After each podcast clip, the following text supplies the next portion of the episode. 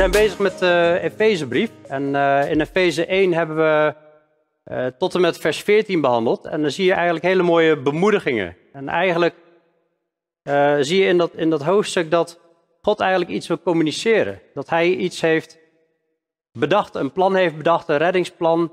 En ja, dat hij, dat hij ons daar zekerheid in wil geven. En dat zie je op meer plekken. Tegelijkertijd zijn er ook plekken in de Bijbel dat je denkt van, maar hoe zit het met maar hoe zit het met deze gedeeltes? Um, ik denk dat dit een belangrijke vraag is. Het staat ook in onze geloofstandpunten, wat wij hiervan vinden. En uh, wie, wie, vindt dit een belangrijke vraag? Wie, wie wil graag weten, kan, kun je redding verliezen of niet? Nee, sommigen vinden het niet belangrijk. nou ja, ik vind het best wel een belangrijke vraag, want uh, ik wil mijn redding niet uh, verliezen, zeg maar. Hè? Dus nou, allereerst voordat we dit onderwerp beginnen, uh, geloof ik, in nummer 23, vers 19 en op meer plaatsen staat dat God is geen man dat hij liegen zou. God liegt niet. Dus als hij ergens een belofte geeft, dan is hij niet een leugenaar. Hè, of, uh, mensen hebben soms wel eens verschillende gedachten over een onderwerp. Maar dat wil niet zeggen dat God zichzelf tegenspreekt. God is niet een God die liegen kan. Dus God spreekt zichzelf niet tegen. We hebben één geest, we hebben één woord. Er is maar één waarheid. Dus laten we kijken wat de schrift zegt. Als iemand zegt, je kunt je redding wel verliezen, en iemand zegt, ja, je kunt je redding niet verliezen, dan heeft in ieder geval één van de twee niet gelijk. Of alle twee. Maar dat gaan we dus ontdekken. Nou, ik denk niet uh, alle twee. Uh, het is of het een of het ander. Um, nou, is, het, is dit onderwerp belangrijk? Ik heb gewoon mijn aantekeningen, die kun je gewoon meelezen op het uh, scherm. ja, ik geloof dat het belangrijk is, omdat het gewoon belangrijk is om te weten wat God zegt, wat de schrift leert. Alleen daarom al is het belangrijk. Ik wil weten wat, wat leert God. Um, waarom is het nog meer belangrijk? Uh, het is belangrijk omdat het samenhangt met de, met de vraag van, uh, ben je überhaupt gered? En op welke grond ben je dan eigenlijk gered? En want uh, als je zegt je kan hem verliezen, ja, dan moet je ook even deze vragen gaan beantwoorden eerst.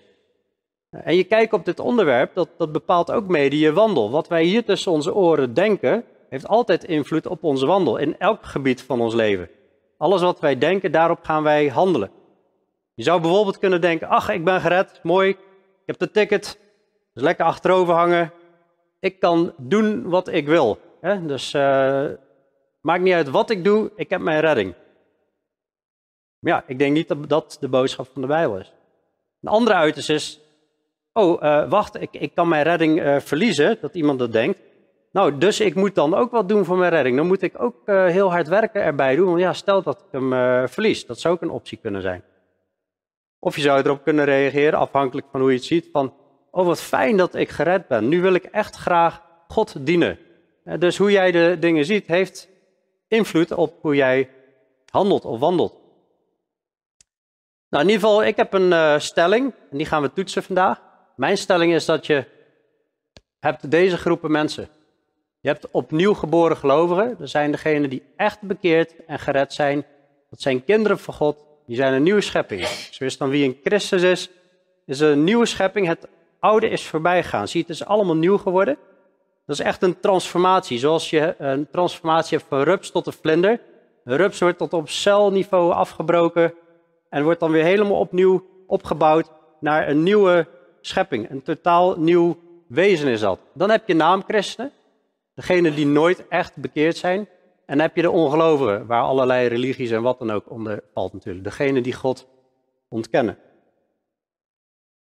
Nou, laten we even beginnen met de vraag, hoe kun je gered worden? Dat hebben we natuurlijk best wel vaak behandeld hier, maar we beginnen even van scratch. Allereerst, geloof in de Heer Jezus Christus en je zult zalig worden. Nou, ik zal zo even laten zien wat geloven inhoudt en in wie? In de Heer Jezus. Je erkent hem dus als Heere. Als je iemand als Heere erkent, dan zie je jezelf als een dienaar. En je zult zalig worden. En dat betekent natuurlijk heel zijn boodschap. Hè, dat hij is eh, opgestaan uit de dood. Dat hij de enige weg is tot de Vader. Dit is niet alleen maar een formule. Oh, je spreekt een formule uit. Dit is met je mond de Heer Jezus beleiden en met je hart geloven. Het moet wel vanuit het hart komen dat God hem uit de dood heeft opgewekt. En dan zul je zalig worden. De zondebeleiden hoort er ook bij. En dat zie je door de hele Bijbel heen. God is rechtvaardig en trouw om ons te vergeven van de zon. Wat moeten we ook doen? Ons bekeren. Eerst wandelen we die kant op, daar heb je de duisternis. En daar is het licht, daar is God. We deden de werk van de duisternis en we keren ons om en we, we gaan ineens God zoeken en de werken van God en niet meer de werken van de duisternis. Dus het is omkeren, wegkeren van de zonde. Niet dat wegkeren van de zonde jouw redding geeft, nee, het geloof in de Heer Jezus. Maar dit is wel iets wat erbij hoort, wat een, een, een automatisch gevolg is. Maar wat is geloof dan? Ik vind het mooiste voorbeeld, de mooiste omschrijving van geloof, staat in Romeinen 4. Abraham kreeg een belofte van een zoon. Hij moest verschrikkelijk lang wachten. Hij was al heel oud samen met Sarah. Maar er staat er, hij heeft, ook was hij oud en zijn lichaam, hun lichaam was verstorven, maar hij heeft aan de belofte van God niet getwijfeld door ongeloof, maar werd gesterkt in het geloof terwijl hij God de eer gaf. En dit is de omschrijving die ik zo mooi vind. Hij was er ten volle van overtuigd dat God ook machtig was te doen wat beloofd was. Daarom is het hem tot gerechtigheid gerekend. We hebben gezien, rechtvaardiging of gerechtigheid wordt alleen maar toegekend door het geloof. Dus dan is dit geloof. Niet getwijfeld door ongeloof, maar wat deed hij wel? Hij geloofde. En wat was dat? Hij was er ten volle van overtuigd dat God machtig was te doen wat beloofd was. Dus hij ging op de belofte van God staan. Hij zei, dit is wat God zegt, daar hou ik dan ook aan vast. Dat is geloof. Ten volle overtuigd zijn dat God machtig is te doen wat beloofd was. Vertrouw op de Heer met heel je hart en op eigen inzichten niet steunen. Dat is eigenlijk geloof. Nou, ik heb een aantal argumenten op een rij waarom ik geloof dat je je redding niet kan verliezen als je opnieuw geboren bent. En dat is wel een, een voorwaarde. Eén, Jezus zegt, en ik ga ze zo iets uitgebreider behandelen. Eén, Jezus zegt hè, dat hij eeuwig leven geeft. Johannes 3, vers 16. Zo lief heeft God de wereld gehad dat hij zijn enige geboren zoon heeft gegeven, opdat ieder die in hem gelooft niet verloren gaat, maar eeuwig leven heeft. Nou, wat is eeuwig? Eeuwig is voor altijd. Dan hebben we gezien in Efeze 1, vers 4 dat er een uitverkiezing is. Dat eerlijk is of niet, hebben we ook, hebben ook behandeld. Zal ik zo nog even kort bij stilstaan. Dan leren we dat redding is een geschenk. Het is een cadeau. Uh, we zien ook dat uh, de, uh, Jezus een harde belofte geeft. Dat, we hebben de belofte dat Jezus ons laat opstaan op de laatste dag. Als je in Hem gelooft. En dan hebben we nog de onvergankelijke erfenis, waar Petrus over spreekt. En wat we ook gezien hebben in Efeze 1. Een erfenis waarvan de Heilige Geest de garantie is. Dus ja, eigenlijk argument 1 waarom ik geloof dat je je redding niet kan verliezen, hè, is omdat Jezus eeuwig leven geeft. Ik noemde hem net al, zo lief heeft God de wereld gehad dat hij zijn enige geboren zoon gegeven heeft, dat ieder die in hem gelooft niet verloren gaat, maar eeuwig leven heeft. Het hele idee van eeuwig leven is dat dat, is, is dat, dat, dat iets blijvends is. Dat is. Dat hele begrip heeft niet in zichzelf, oh dat is uh, zoals een lamp, dat is aan, uit, aan, uit. en uh, we zullen ook zien, dat is een, je moet opnieuw geboren worden. En het is een transformatie. Het is niet zoals een, uh, een metro. Oh, in een metro daar kun je instappen, zolang je in de metro bent, ben je aan het reizen, stap je eruit, dan niet meer. Het eeuwig leven is niet zo van, oh, zolang ik in dat geloof stap, dan heb ik het eeuwig leven. En als ik even uit geloof stap, heb ik het niet meer. Het is een transformatie, zoals de rups naar de vlinder. Tegelijkertijd, als je verder leest, zie je in vers 36 um, dat um, wie de zoon ongehoorzaam is, de toorn van God blijft op hem. hey, dus er zit toch iets van gehoorzaamheid aangekoppeld. Um, het volgende uh, punt, hè, dat is dus uh, om dat eeuwige leven te krijgen, moet je opnieuw geboren worden. Je moet uit God geboren worden. In Johannes 1 lezen we meteen allen die hem aangenomen hebben, die Jezus aangenomen hebben. Hun heeft hij macht gegeven om kinderen van God te worden. Namelijk die in zijn naam geloven. Die niet uit bloed, niet uit de wil van vlees en ook niet uit de wil van de man, maar uit God geboren zijn. Oh, hoezo hebben wij dan geen wil? Het, het, is niet uit de wil van een man, nou ja, tegelijkertijd, wij moeten hem aannemen. Dus het is altijd, ja, je bent uit God geboren, het is uh, zijn wil en tegelijkertijd wij moeten hem aannemen. Maar dan word je uit God geboren.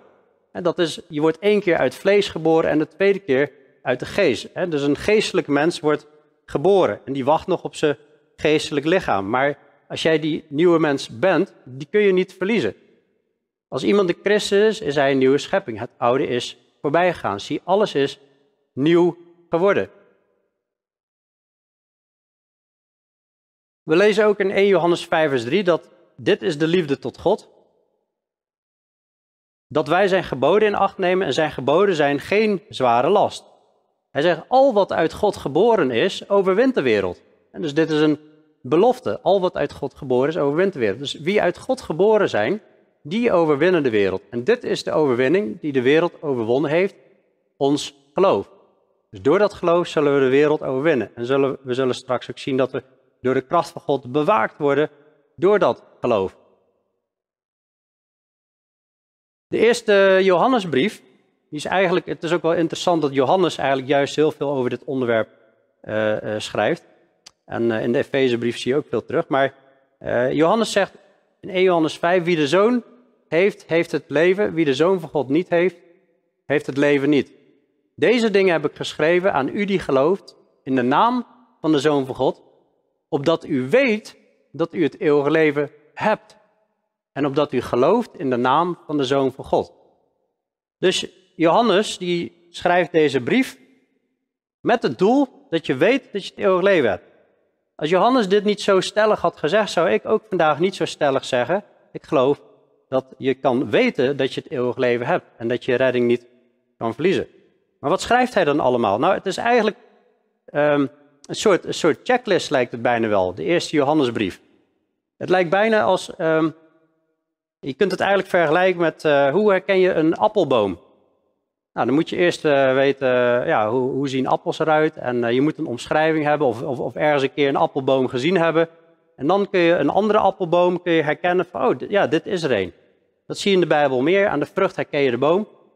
Als jij in de goede aarde geplant bent en zo'n zaadje is ingeplant en je bent opnieuw geboren dus en nou, zo'n appelboom begint te groeien, nou, wat komt daar dan aan? Sinaasappels natuurlijk. Nee, er komen, er komen appels aan. Hè? Dus een, uit, een, uit zaad van de appelboom komen appels. Hè? Dus als je geen appels ziet, is het geen appelboom. Zo heel, zo heel simpel. Dus eigenlijk zegt hij, als je deze eigenschappen ziet, nou wat voor eigenschappen? kind van God gaat niet door met zondigen. Uh, hij struikelt wel, want ja, je moest ook je zonde beleiden. Hè? Dat staat ook in uh, de eerste Johannesbrief. Uh, een kind van God, die haat zijn broeder niet. Eh, die, eh, eh, als, als iemand de rechtvaardigheid niet doet, is hij ook niet uit God. Dat soort dingen kom je allemaal tegen. Er zijn eigenschappen van een kind van God. Zo herken je ze eigenlijk, zodat je weet dat je het eeuwig leven hebt. En opdat je gelooft in de naam van de Zoon van God. En dus dat, het, het hele idee van eeuwig leven is van, je krijgt iets wat voor altijd is. Dus niet aan, uit, aan, uit. Dan heb je nog de, de uitverkiezing. Mensen die geloven dat je redding kunt verliezen, hebben het heel erg moeilijk met de uitverkiezing, waardoor je allemaal uitleggingen krijgt die erg ingewikkeld zijn. Het is ook een lastig thema, maar ja, het staat wel in de Bijbel. Efeze 1 vers 4 hebben we gezien, Romeinen 8 en 9. Efeze 1 vers 3 zegt, gezegend zij de God en Vader van onze Heer Jezus Christus, die ons gezegend heeft met alle geestelijke zegen in de hemelse gewesten in Christus omdat hij ons voor de grondlegging van de wereld in hem uitverkoren heeft. Omdat wij heilig en smetteloos voor hem zouden zijn in de liefde. Hij heeft ons voorbestemd om als zijn kinderen aangenomen te worden door Jezus Christus. Dus ja, we lazen net, zoveel hem aangenomen hebben, die heeft hij macht gegeven kinderen van God te worden. Oh, dus het is onze stap. En op het moment dat je die stap hebt genomen, dan ontdek je, oh, maar dit was voorbestemd. Hij heeft ons uitverkoren. God kiest en de mens kiest ook.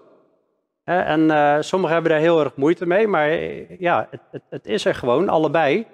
Uh, als jij gelooft dat je redding kan verliezen, heb je een heel erg groot probleem met de uitverkiezing. En met ja, dat we voorbestemd zijn om als zijn kinderen aangenomen te worden. In Romeinen 8 lezen we het ook. Hen die hij van tevoren gekend heeft, heeft hij er ook van tevoren toe bestemd om aan het beeld van zijn zoon gelijkvormig te zijn. Opdat hij de eerstgeborene zou zijn onder vele broeders. En dus eigenlijk zijn wij ook Jezus' broeders. En hen die hij van tevoren toe bestemd heeft, die heeft hij ook geroepen. En hen die hij geroepen heeft, heeft hij ook gerechtvaardigd. En hen die hij gerechtvaardigd heeft, die heeft hij ook verheerlijkt.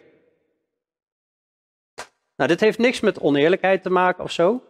Want tegelijkertijd staat er in Romeinen 1, niemand zal te verontschuldigen zijn. Niemand zal een excuus hebben. Iedereen weet dat God de wereld gemaakt heeft. Maar ze hebben de waarheid en ongerechtigheid onderdrukt. En tegelijkertijd zijn velen geroepen, maar weinig uitverkoren. Heel veel geven geen reactie op die roeping. En dus het is wel degelijk eerlijk. Mensen hebben gewoon een keus. God is ook niet willend dat iedereen, eh, dat iemand verloren gaat. En toch is er die uitverkiezing. Die moeten we ook niet van tafel En toch is er je eigen keus. We kunnen dat helemaal proberen te snappen, maar daar hebben we al eerder over gehad. Dat gaat niet lukken. Dat is iets wat je aanneemt in geloof. Dat is er nou eenmaal. Eh, God weet in al zijn wijsheid hoe dat zit. Dus het feit dat er zo sterk staat, al vanaf voor de grondlegging van de wereld, zijn we uitverkoren in Hem. Dat is ook een reden waarom ik geloof van ja, God weet gewoon wie voor Hem kiezen en wie erbij horen. Het volgende punt is dat wij ook nog worden beschermd door God. Um, oh, sorry, nee, uh, eerst nog een ander punt. Uh, de redding is een geschenk. Het derde punt, redding is een geschenk. In uh, Efeze 2 vers 8 wordt heel duidelijk van, ja, wij zijn gered voor goede werken, niet door goede werken. Uit genade zijn we zalig geworden. Genade is een cadeau. En dat is door het geloof. En tegelijkertijd is dat niet uit u. Dus ja, wij, wij geloven wel, maar het is niet uit u. Het is de gave van God. Dus die zaligheid, dat is de gave van God. Hoe doet hij dat? Uit genade door het geloof. Dus God schenkt die zaligheid, maar dus ook de genade en het geloof. Niet uit werken, opdat niemand zou roemen. Want wij zijn zijn maaksel, je bent dus die nieuwe schepping, geschapen in Christus, om goede werken te doen, die God van tevoren bereid heeft, opdat wij daarin zouden wandelen. Dus het is echt een, een geschenk wat God geeft. En tegelijkertijd zie je, oh, er horen wel werken bij. Alleen het is de vrucht.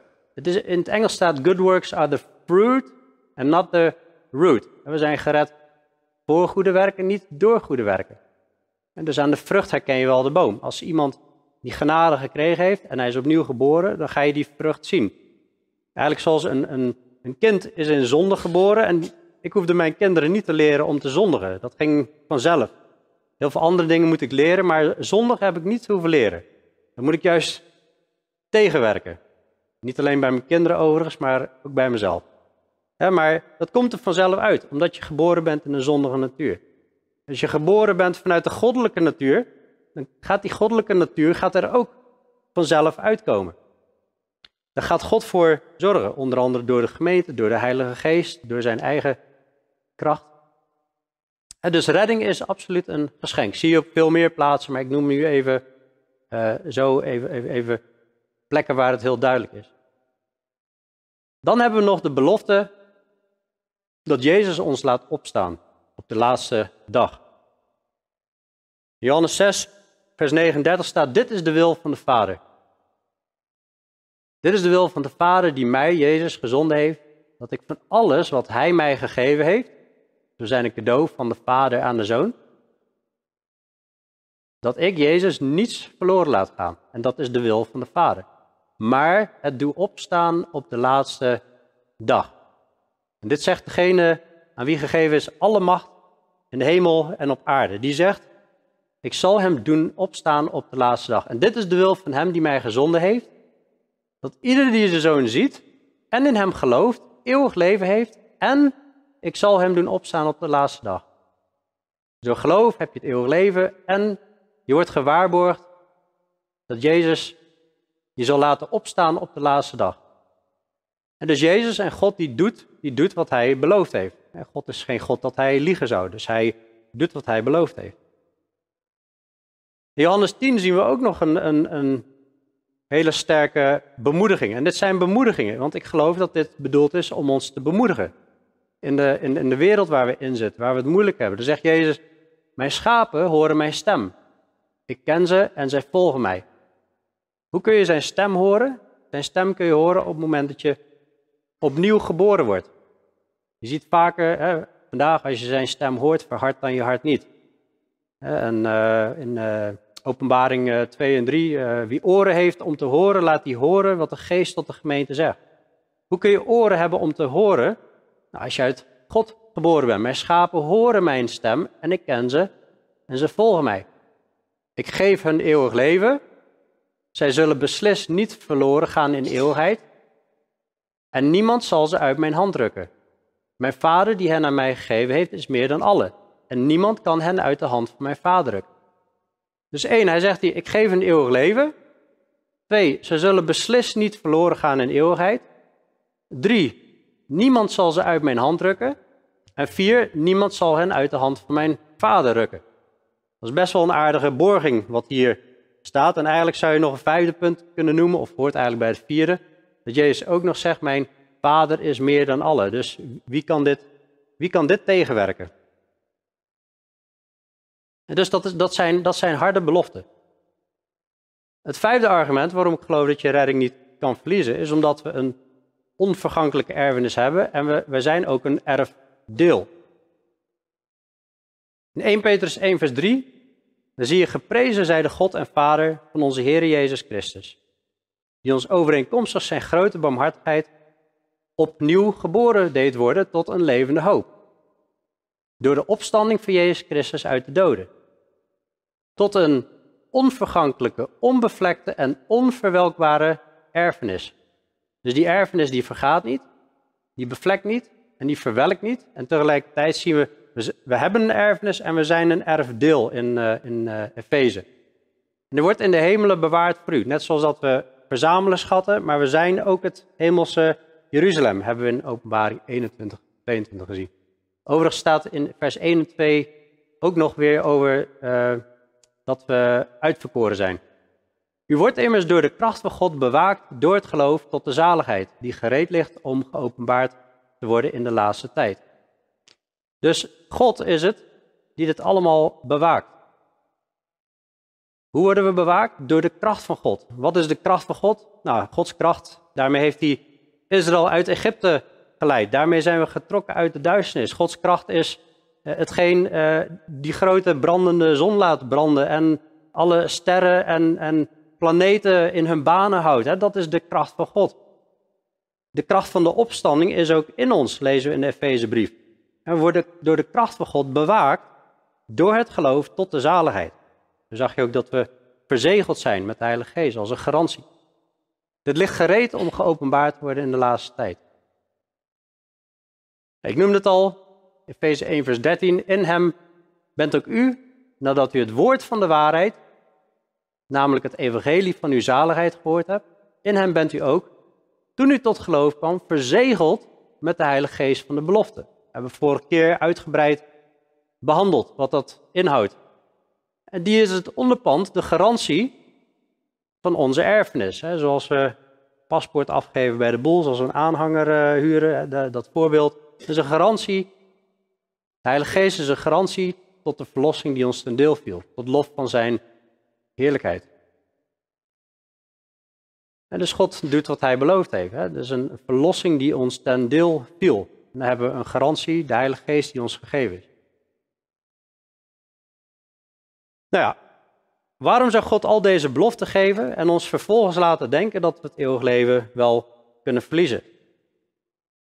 In de Efezebrief is wel interessant wat, wat Paulus aan het doen is. Hij gaat eerst drie hoofdstukken gaat hij hameren op van, jongens, dit is wat we ontvangen hebben. Dit is wat je tussen je oren moet hebben. Dit is je theorie en dan hoofdstuk 4, 5, 6. En nu de praktijk. Dan gaan we ook heel veel mooie voorbeelden. Hoe kun je op school hierin handelen en uh, op de middelbare school. En hoe kun je op je werk hiermee omgaan. En dat is allemaal de praktijk. En in de gemeente niet te vergeten en, en het gezin en al die dingen. Tegelijkertijd moeten we de geestelijke wapenrusting aandoen. Hoofdstuk 6, daar eindigt hij mee. Een van die onderdelen is de helm van je redding. De helm van je redding. Dus je moet hier tussen je oren heel goed weten wat je redding inhoudt, hoe je gered bent. Uh, hoe, weten hoe Satan hier aan zal trekken om jou te laten twijfelen en, en als het hier niet goed zit, dan ga je onderuit. Dan ga je ook vallen. Dan ga je ook wankelen. Dat niet alleen voor je redding, maar ook de rest van uh, de Bijbel kennen om goed te kunnen wandelen. Waarom denken sommige mensen dat je toch het eeuwig leven kan verliezen? Dit heeft te maken met hoe interpreteer je de schrift. Uh, heeft te maken met interpretatie van sommige gedeeltes en uh, schrift met schrift vergelijken. Het is goed om eerst alle gedeeltes bij elkaar te verzamelen en dan de conclusies te trekken, zonder dat het ene gedeelte het andere tegenspreekt. Het moet in harmonie uitlegbaar zijn. Nou, God is een God die niet liegen kan, dus hij spreekt zichzelf niet tegen in zijn woord. Vaak zie je van, uh, ja, de ene zit helemaal aan de kant van de Arminianen, zeggen ze wel eens. Die geloven dat je redding kan verliezen. En Calvinisten geloven absoluut niet. En ik, ik ben geen van twee. Ik vind in Calvinistische leer, er zitten wat dingen die soms ook wat, misschien wat doorslaan. Maar um, ik ben gewoon christen, we openen het woord en we kijken gewoon. Maar het is niet zo, ja, die, die partijen zitten een beetje verzen te gooien over en weer. En daar is Gods woord helemaal niet voor bedoeld. We moeten in, in harmonie alles uitleggen. Laten we enkele gedeelten bekijken en die lijken aan te geven dat je je geloof kan verliezen. Is wel eens goed om een voorbeeld te bekijken. Een paar voorbeelden. Hoe zit dat nou? Vaak worden teksten uit Openbaring 2 en 3 aangehaald. Dan krijg je al die waarschuwingen tegen die zeven gemeentes. Die hebben we behandeld, die brieven. Bijvoorbeeld Openbaring 2 vers 7. Wie oren heeft, laat hij horen wat de geest tegen de gemeenten zegt. Wie overwint, hem zal ik te eten geven van de boom des levens die midden in het paradijs van God staat. Nou, je ziet hier bij verschillende gemeentes, die moesten zich bekeren. Hier was het bij Efeze, anders zou de kandelaar weggenomen worden. Dan geloven mensen, oh, je kan dus toch je redding verliezen. Ja, je moet eerst afvragen, wat wordt daarmee bedoeld, de kandelaar wegnemen? Hè? Dat is het, licht uitdoen van de gemeente, dat die niet meer bestaat, geloof Maar wie overwint, hem zal ik te eten geven van de boom des levens. Oh, dus jij moet toch wat doen.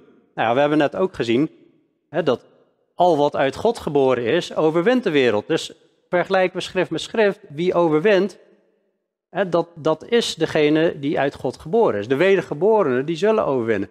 En misschien kan de wedergeborene wel eens naar links of naar rechts zijn afgeweken, maar God zal hem weer op de rechte weg brengen. Ofwel door het woord te bestuderen, ofwel je wijkt af en, en dan heb je nog de gemeentetucht. Nou, luister je daar niet naar, en dan heb je nog Hebreeën 12. God bestraft iedere zoon die hij lief heeft. Word je niet bestraft, dan God je, behandelt God je als bastaarde. Maar uiteindelijk, als je tot gehoorzaamheid komt, dan brengt het een vreedzame vrucht van gerechtigheid voort. Dan heb je weer die vrucht, want God wil vrucht zien in ons leven. En God doet dat uit liefde. Net als dat ik mijn kinderen lief heb, ja, ik moet ze wel eens terechtwijzen. Je, je gaat eerst in gesprek, maar ja, als ze herhaaldelijk niet luisteren, moet je maatregelen nemen.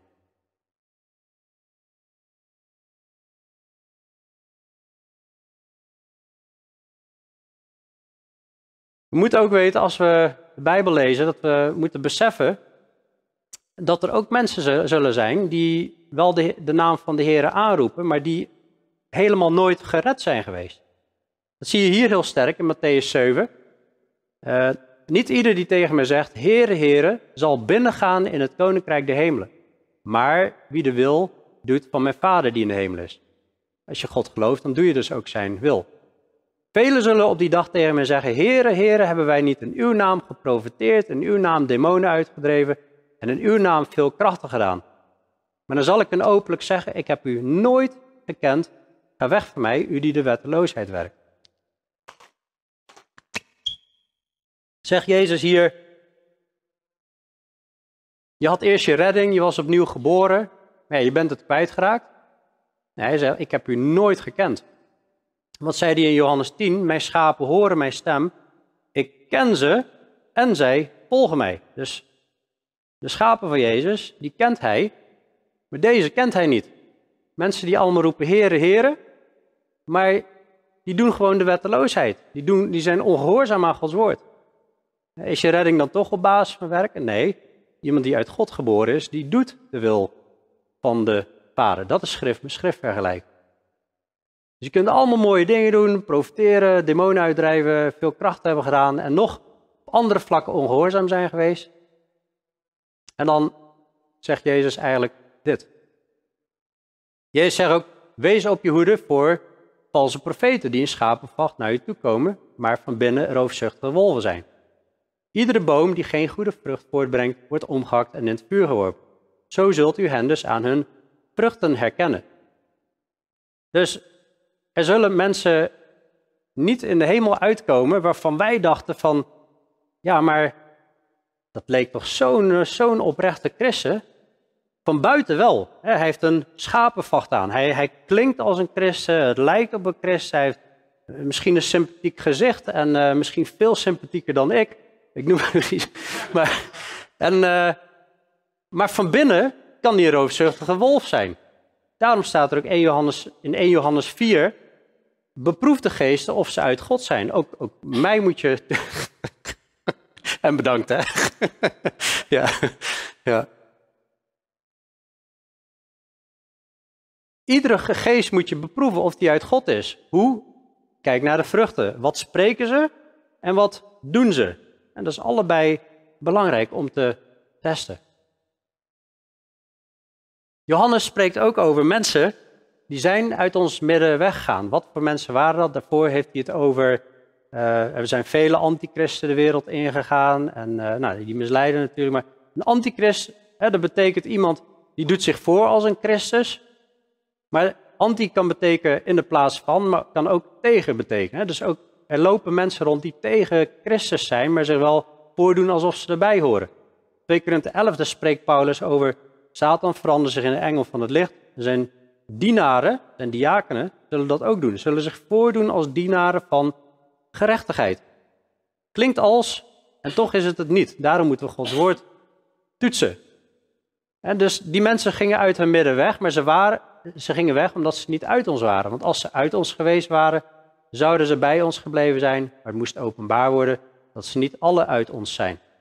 Johannes legt ook in Johannes 4 uit hoe je ze herkent. Hoe denken ze over Jezus, over de Vader?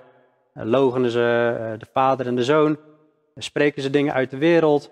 Um, geven ze gehoor aan, aan de woorden van de apostelen? Zo niet, dan is het geest van de dwaling. En dus daar herken je ze aan.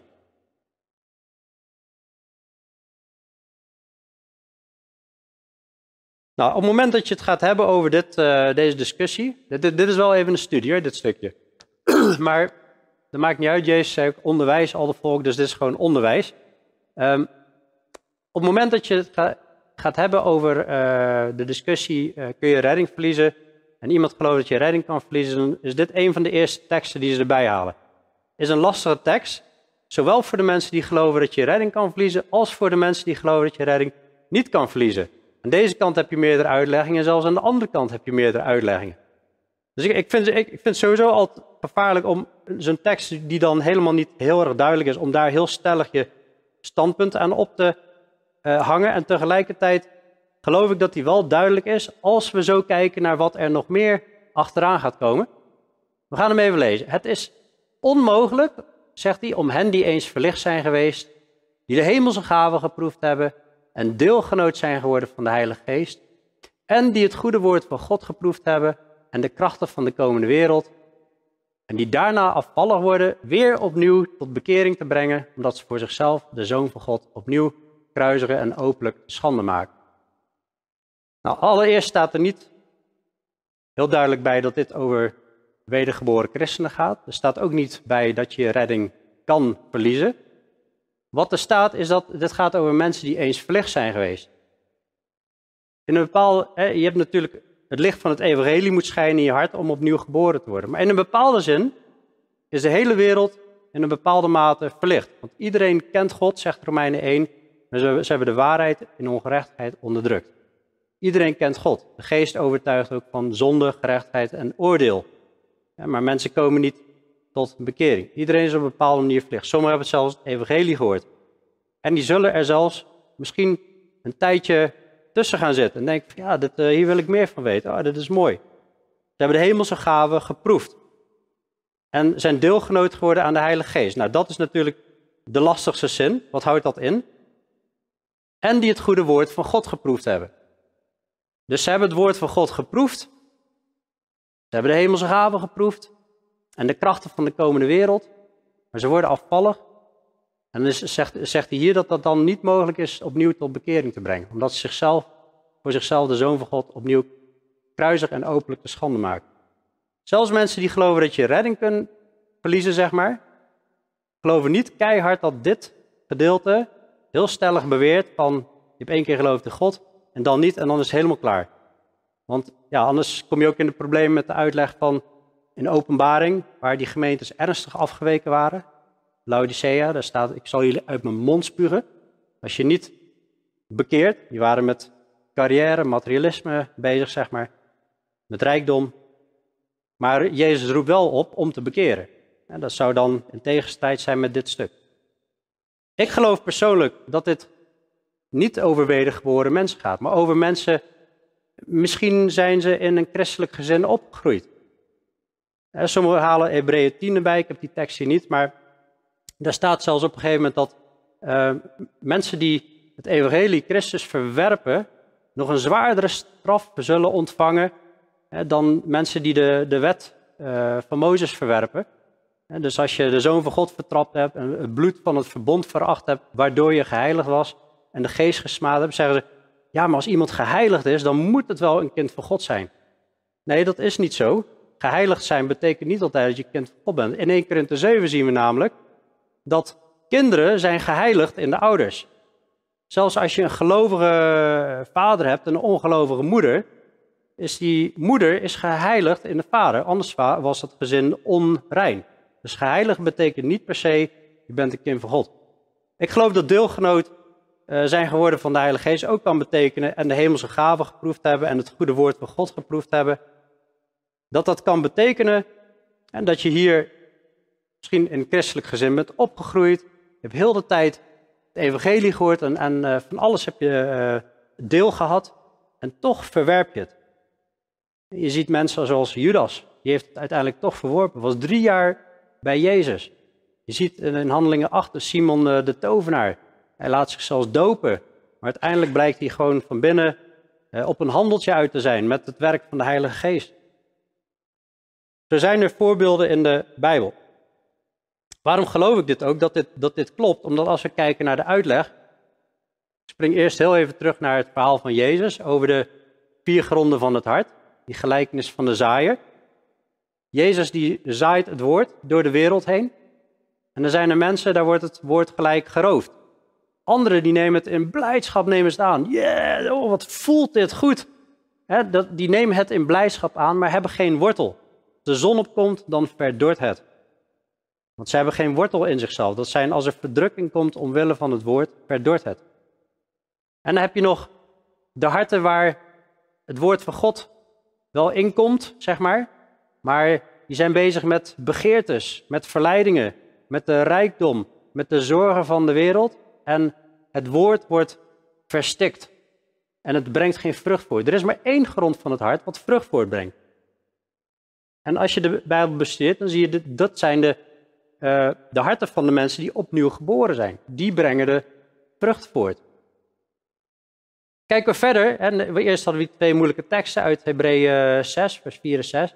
Maar lees je vers 7 en 8, dan zegt hij eigenlijk gewoon hetzelfde. De aarde die de regen indringt, die er dikwijls op valt en die nuttig gewas voorbrengt, voor hen, door wie hij ook bewerkt wordt, ontvangt zegen van God. Dus dan heb je de goede aarde, die brengt vrucht voort, ontvangt zegen van God. Maar je hebt ook aarde die dorens en distels voortbrengt. Die is verwerpelijk en de vervloeking nabij, waarvan het einde tot verbranding leidt. En dus we zien daar eigenlijk de gelijkenis van Jezus in terug. Dus ik geloof dat die persoon waar de Hebreeënbriefschrijver over schrijft, in Hebreeën 6, vers 4 tot 6, dat het helemaal niet over een wedergeboren christen gaat. Hij was niet verzegeld met de Heilige Geest, maar deelgenoot hè, aan, het, aan het werk, geloof ik dan. En, en je ziet wel in de Bijbel, als mensen zich continu blijven verharden, een farao bleef zich verharden, en op, gooit God op een gegeven moment hart op slot. Hij had al gezegd, ik zal zijn hart verharden, maar als je goed bekijkt, dan zie je tot zeven keer toe verhard farao zijn hart, en dan zegt God, en nu heb ik zijn hart verhard. En hij heeft, zelfs twee keer heeft hij nog berouw. Hè? Hij, hij, hij zegt nog Volgens mij twee keer, ik heb gezondigd. Nou, je ziet zelfs een Judas, die had, uh, die had berouw, maar dat is niet een berouw die echt tot bekering leidt. En op een gegeven moment gaat het op slot en is het klaar. Hij, hij zegt verder, ook al spreken we zo geliefde, wat u betreft, tegen die gelovigen, die Hebreeën, zijn we echter overtuigd van betere dingen die met de zaligheid samenhangen. Want God is niet onrechtvaardig dat hij uw werk zou vergeten en de liefdevolle inspanning die u uh, zijn naam bewezen hebt, doordat u de heilige gediend hebt en nog dient. Maar wij verlangen naar dat ieder van u dezelfde inzet toont, tot volle zekerheid van de hoop tot het einde toe. Opdat u niet traag wordt, maar navolgers bent van hen die door geloof en geduld de belofte beërven. Je ziet, er zit een opbouw in de hele Hebreeënbrief. De Hebreeënbrief spreekt over, ja dat is wel een grappig plaatje, dit, dit plaatje wordt omschreven in Hebreeën 5. Hij spreekt tegen mensen die gezien de tijd had je leraren moeten zijn. Hebreeën spreekt over waarschuwt voor afdrijf, voor verharden, vertraagheid, verachting tot het verwerpen van het woord van God. Waar het juist op aanstuurt is vrucht, groei. Groei in geloof en groei in gehoorzaamheid in het volgen van Jezus Christus. Want hoofdstuk 6 is niet het enige hoofdstuk in, in de Hebreeënbrief. Ik zie je in hoofdstuk 10, dan, zegt hij, dan eindigt hij met, uh, ik heb hem niet op het scherm, ik zoek hem even snel op.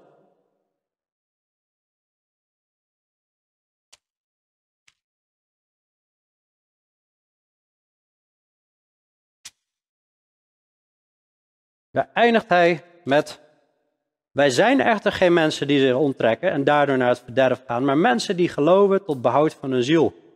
En dan gaat hij de mensen aanmoedigen en aanjagen met al die voorbeelden van, hier, kijk naar Noach, kijk naar Mozes en Abraham en Jozua en Gideon, hoe die allemaal hebben volgehouden tot het einde toe. En dan gaat hij naar Hebreeën 12, zo moeten wij zien op onze overste leidsman, kijk eens wat een leed hij verdragen heeft, maar hij zag de vreugde in het vooruitzicht wie hebt de bloedens toen nog niet weerstand geboden tegen de strijd, in de strijd tegen de zonde? En dan gaat hij erover hebben over ben de vermaning vergeten en dat God ook bestraft iedere zoon die hij lief heeft, dus dat stukje. Maar het einddoel is om een vreedzame vrucht van gerechtigheid voor te brengen. En er staan wel degelijk hele zware waarschuwingen in de Hebreeënbrief. Maar ik geloof niet dat dat in tegenstrijd is met al die andere stukken die we eerder hebben gezien. Met de uitverkiezing, met het eeuwige leven, met nou, wat we allemaal bekeken hebben. Oh, ik had het trouwens wel op het scherm. Uh, nou, hebben het in ieder geval even getoetst. Uh, ja. Um, hoe laat is het? Problemen, de problemen die je krijgt met de leer dat je redding kan verliezen, is dat uh, ja, je moet tornen aan wat is dan eeuwig leven. En dat, dat wordt dan een heel ingewikkeld begrip. Daar moet je een hele filosofie over bedenken. Je moet tornen aan de leer van de uitverkiezing. Ja, natuurlijk moeten wij geloven. Natuurlijk moeten wij Jezus aannemen. En tegelijkertijd is die leer van de uitverkiezingen. Je hebt een gevaar dat je in een richting gaat, dat je, dat je leert dat je redding gebaseerd is op geloof plus werken. Wat niet zo is, maar tegelijkertijd heeft opnieuw geborene wel werken. Geloof zonder de werken is dood, zegt Jacobus. Maar vergelijk je schrift met schrift, dan wordt daar natuurlijk mee bedoeld, uh, die werken horen bij een wedergeboren. Demonen geloven ook, die geloven ook in God en die sidderen. Dus er is een doodgeloof. Geloof zonder werk is dood. We hebben de belofte van Jezus om ons te laten opstaan op de laatste dag. Dat wordt dan een probleem om dat uit te leggen. Het is niet een aan-uit, aan-uit situatie. Het is zoals die vlinder. De erfenis is onvergankelijk. We hebben de verzegeling van de Heilige Geest, die een garantie is. En we zijn ook een erfdeel. Volgens mij is Efeze 1, vers 12. Dus wat ik geloof, om die stelling te toetsen die ik helemaal in het begin had. Wie opnieuw geboren is, heeft eeuwig leven en hij overwint. Wie uit God geboren is, overwint de wereld. Die draagt ook vrucht. Jezus zegt in Johannes 15, bij de ware wijnstok. Hiertoe heb ik jullie bestemd, dat je heen zou gaan en Dat is de bestemming die Jezus heeft gegeven. Zelfs tegen Pilatus zegt Jezus: Wie uit de waarheid is, geeft aan mijn stem gehoor. Je moet opnieuw geboren worden, uit de waarheid zijn en dan geef je aan Jezus stem gehoor. Wie opnieuw geboren is, blijft in zijn woorden en neemt die in acht. Als je in mijn woorden blijft, ben je werkelijk mijn discipelen, werkelijk mijn volgelingen. Je zult de waarheid kennen en de waarheid zal je vrij maken. Het is dus een erfenis. Je bent uitverkoren, je bent verzegeld, je bent een kind van God en je bent eeuwig. Dat zijn bemoedigingen en prachtige beloften die God wil geven om ons aan te jagen, moet je kijken waar je in beland bent. dit, is echt, dus, dit is echt gewoon de liefde van God die je hier ziet vloeien. Kan een christen zijn geloof verliezen? Ja, een christen kan zijn geloof verliezen. Maar is die christen opnieuw geboren? Dat is de vraag. Kan iemand die opnieuw geboren is zijn geloof verliezen? Nee, geloof ik. dus ook niet zijn redding, uitverkoren erfdeel, eeuwig, bewaakt door God. En aan de vrucht herken je de boom. Moeten we nu bang worden? Oeh, ben ik dan wel gered? Aan de ene kant, ja, is dit een waarschuwing van, hé, hey, herken je vrucht in je leven? Tegelijkertijd zegt Jezus ook heel eenvoudig in Lucas 11, als een kind zijn vader vraagt om een, een, een brood, geeft hij hem geen steen. Als hij vraagt om een ei, geeft hij geen slang. Als wij als aardse vaders die slecht zijn, al onze kinderen goede gaven weten te geven, hoeveel meer zal de Vader de Heilige Geest niet geven aan hun die daarom vragen? En dat is ook de wil van God, dat we om zoiets vragen natuurlijk. En dat is altijd het dilemma. We, leren, we onderwijzen uit Efeze 1, denk wow, moet je kijken, die bemoedigingen. Maar die bemoedigingen gelden niet voor jou als je niet opnieuw geboren bent. En voor, ben je wel opnieuw geboren, gelden die bemoedigingen wel voor jou. 2 Korinthe 13 zegt, vers 5, onderzoek jezelf of je in het geloof bent. Dat is onze taak en tegelijkertijd, als jij wil geloven, dan schenkt God dat. Maar de vraag die hier eigenlijk nog helemaal overheen stijgt, wat veel belangrijker is, is heb je de Heere God lief met heel je hart, heel je ziel, heel je kracht en heel je verstand.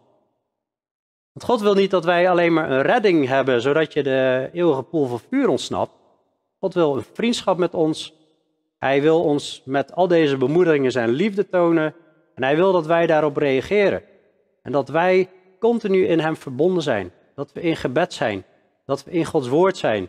Eh, daaruit leren en die vruchten voortbrengen. Eh, met elkaar omgaan. Eh, liefdevol zijn. voor elkaar zorgen. Verdraagzaam zijn. En al die zaken. Dat, dat is waar we uiteindelijk heen gaan met de Efezebrief. En dat is iets prachtigs en dat duurt voor eeuwig. En dat is wat je gewoon moet willen. dat je voor eeuwig met God bent. Dat Hij bij ons woont en wij bij Hem wonen. Zullen we. Oh ja,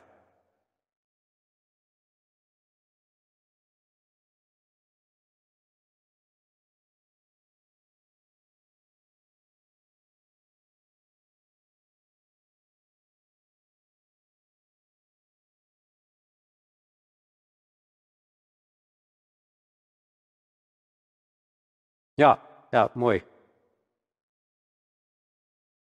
Ja, dus uh, Johannes 1, vers 12, de 1, 1, 2, daar red je levens mee. Ja, ja oké, mooi.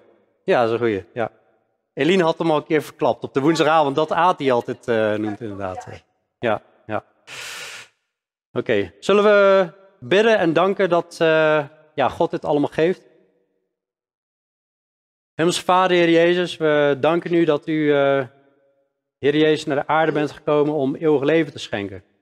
Om de genade te schenken, om geloof te schenken en de zaligheid, Heer. En we danken u dat u onze harten opent daarvoor. En uh, ja, ik bid u dat iedereen hier aanwezig en die misschien meeluistert via YouTube, Heer, dat, dat we ja, ons hart onderzoeken en kijken, hoe zijn we in het geloof? Heer, en bidden, wilt u dat geloof geven? Heer, en uh, wilt u de Heilige Geest geven? En dank u wel dat ja, we mogen zien dat uh, we echt, echt verankerd zijn. Gewoon verzegeld zijn, beschermd zijn door uw hand, Vader, door uw hand, Heer Jezus. En uh, dat we eeuwig leven mogen hebben. Dat we opnieuw geboren mogen worden. En, Heer, we, we battelen nog, we strijden nog met die oude ik in ons. Maar leer ons meer, ook door deze Efezebrief, hoe we daarin kunnen overwinnen. Hoe u ons leert hoe we kunnen overwinnen. Zodat we mogen blijven staan. Standvastig en onwankelbaar. Steeds overvloedig in het werk van de Heer. Dat we weten dat ons werk niet te vergeefs zal zijn. Heer, ik uh, vraag om een zegen over ieders leven. En om kracht en bescherming. En dat we allemaal steeds meer vrucht zullen dragen om u te verheerlijken. En om gewoon ook te genieten van de relatie met u. En uh, wilt u onze blijdschap volkomen uh, maken, Heer. En dat we elke dag verblijd mogen zijn in u. En als we battles hebben, dat we ook daarin ons mogen verblijden. En dankbaar zijn dat we beproefd en getest worden. Heer, help ons als we afwijken naar links of naar rechts, om ons op de smalle weg te houden. Heer, dat we in uw weg van gerechtigheid gaan. In Jezus' naam. Amen. Amen.